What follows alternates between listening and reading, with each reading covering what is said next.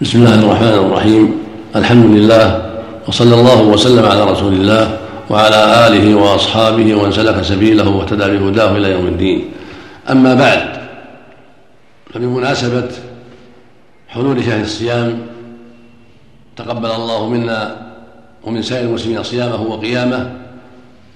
أود أن أذكر لإخواني ما ينبغي للصائم من السلوك الحسن الذي يرجى معه له القبول والمغفرة وحط الخطايا ورفع الدرجات. الصائم له سلوك خاص ينبغي أن يسير عليه وينبغي أن يلزمه في أيام صيامه وليالي صيامه. يدل عليه ما ثبت عن رسول الله عليه الصلاة والسلام أنه قال الصيام جنة. فإذا كان يوم صوم أحدكم فلا يرفث ولا يسخب فإن امرؤ سابه أحد فليقل إني امرؤ صائم. فالصيام جنة بين العبد وبين الذنوب والخطايا وجنة بينه وبين النار يعني سترة وحرز لمن صانه وحفظه. فالصيام يحول بينك يا عبد الله وبين المعاصي والذنوب لأن الصائم منهي عن غربان السيئات أكثر مما ينهى غيره وإن كان كل مسلم منهي عن غربان السيئات سواء كان صائم أو غير صائم لكن الصيام يؤكد ذلك ويعين على ذلك كما في الحديث يقول الله جل وعلا كل عمل ابن آدم له الحسنة بعشر أمثالها إلى سبعمائة ضعف إلا الصيام فإنه لي وأنا أجزي به. ترك شهوته وطعامه وشرابه من أجلي. فالصائم ترك شهوته وطعامه وشرابه من أجل الله عز وجل. يرجو رحمته ويخشى عقابه.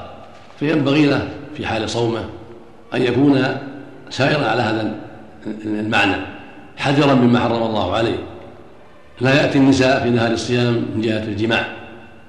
ويباح له مباشرتهن من دون جماع كالقبلة واللمس والنوم مع المرأة لا حرج في ذلك. إذا كان لا يخشى الوقوع فيما حرم الله فإنه لا حرج عليه في المباشرة وإنما المحرم عليه الجماع في نهار الصيام.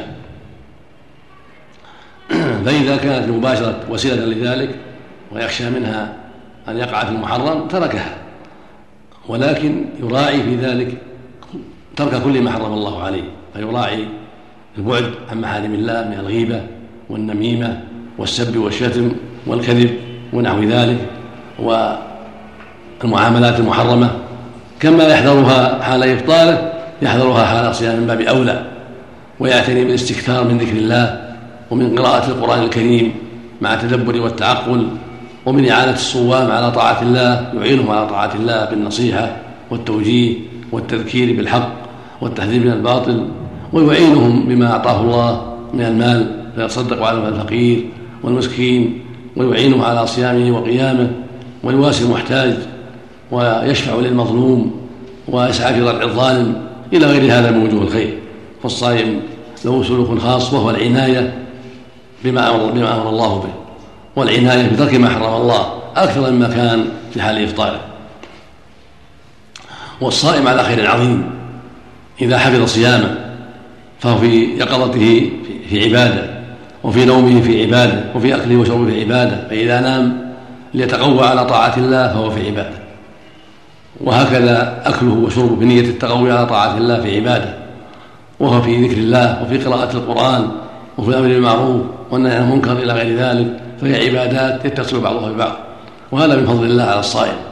فقد أمسك عن محارم الله وقد جاهد نفسه في الله. وقد شغل لسانه بذكر الله وقراءة كتابه العظيم أو بالدعوة إلى الله والأمر بالمعروف والنهي عن المنكر. كل هذا بما يحبه الله ويرضاه. ثم هو مع ذلك أيضا يجتهد في صيانة صيامه من كل ما يجرحه من غيبة أو نميمة أو كذب أو معاملة ربوية أو غش في معاملة أو خيانة في أمانة أو تقصير في واجب أو نحو ذلك. هكذا الصائم. يعتني بكل ما أمر الله به ورسوله فيفعل ما شرع الله له وينتهي عن كل ما نهى الله عنه ورسوله. يرجو بهذا ثواب الله ويخشى عقاب الله. قال النبي الكريم عليه الصلاة والسلام من صام رمضان إيمانا واحتسابا غفر له ما تقدم من ذنبه ومن قام رمضان إيمانا واحتسابا غفر له ما تقدم من ذنبه. فالإيمان هو التصديق بأن الله شرع هذا الشيء وأمر به ودعا إليه عبادة والاحتساب هو أن يصومه ابتغاء وجه الله يرجو ثواب الله ويخشى عقابه. ما صامه رياء ولا سمعه ولا تجلدا ولا غير ذلك من من انواع المقاصد الأخرى. وإنما صامه لله يبتغي وجه الله وفضله سبحانه وتعالى. فهو مأجور وعلى خير عظيم ويرجى له بذلك أن يكفر الله به خطاياه وأن يغفر به سيئاته.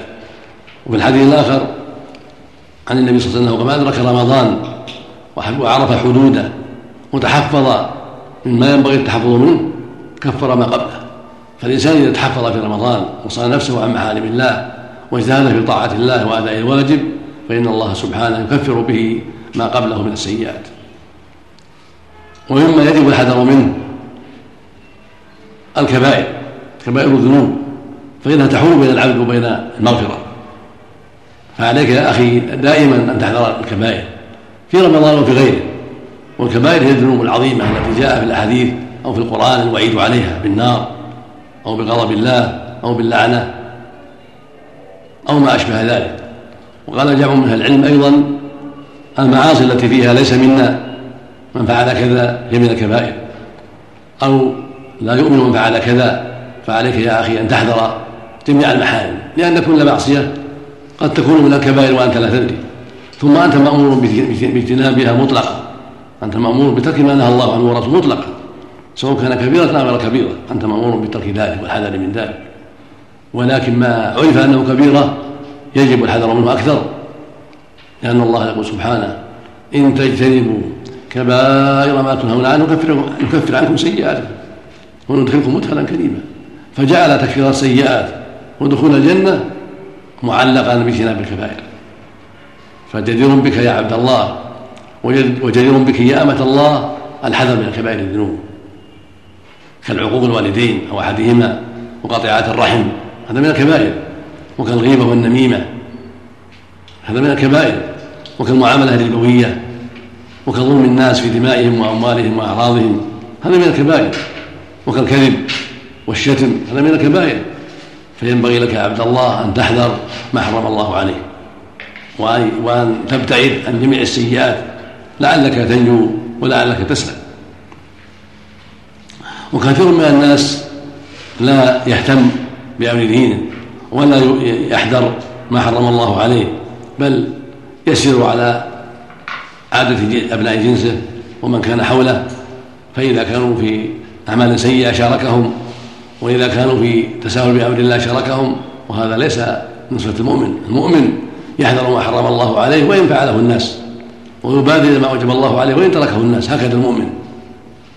لا يقتدي بالناس الباطل ولا يتأسى بهم في ترك الواجبات بل يحذر ما حرم الله عليه ويتباعد عن السيئات وإن فعلها الناس ويسارع إلى ما أوجب الله وإن تركه الناس هكذا المؤمن. يعتني بطاعة الله ويسارع إليها ويحذر محارم الله يرجو ثواب الله ويخشى عقابه سبحانه وتعالى. وقد صح عن رسول الله عليه الصلاة والسلام أنه قال الصلوات الخمس والجمعة إلى الجمعة ورمضان إلى رمضان مكفرات لما بينهن ما لم تغش الكبائر. وفي لفظ إلا اجتناب الكبائر فاعلم يا أخي أنك إذا تساهلت بهذه الأمور ولم تبال فإنك على خطر عظيم. ربما لم تنتفع بصلاتك ولا بصومك ولا بجمعتك بسبب اختلاط الكبائر. فاتق الله واحذر ما حرم الله عليك وبادر بالتوبة التصوف من كل ما سبق من السيئات. والزم حدود الله واستقم عليها. وسل ربك التوفيق والإعانة. ثم استكثر في هذا الشهر الكريم من أنواع الخيرات وصنوف الطاعات. ومن أهم ذلك الاستكثار من تدبر القرآن والإكثار من تلاوته. ترجو بذلك أن تعرف ما مراد الله فتعمل به. وأن تعرف ما نهى الله عنه فتتركه. ومن ذلك الاستكثار من الصلوات بالخشوع والطمأنينة. والاستكثار من الصدقات والتسبيح والتهليل والتحميد والتكبير فإن في هذا خيرا عظيما وفضلا كبيرا. وأسأل الله عز وجل أن يوفقنا وسائر المسلمين لكل ما فيه رضاه وأن يصلح قلوبنا وأعمالنا ويتقبل وأن يتقبل منا صيامنا وقيامنا ويجعل جميعا من أنصار دينه والدعاة إليه على بصيرة وأن يعيذنا من شرور أنفسنا ومن سيئات أعمالنا. إنه سبحانه وتعالى جواد كريم. وصلى الله وسلم وبارك على عبده ورسوله نبينا محمد وعلى آله وأصحابه وأتباعه بإحسان.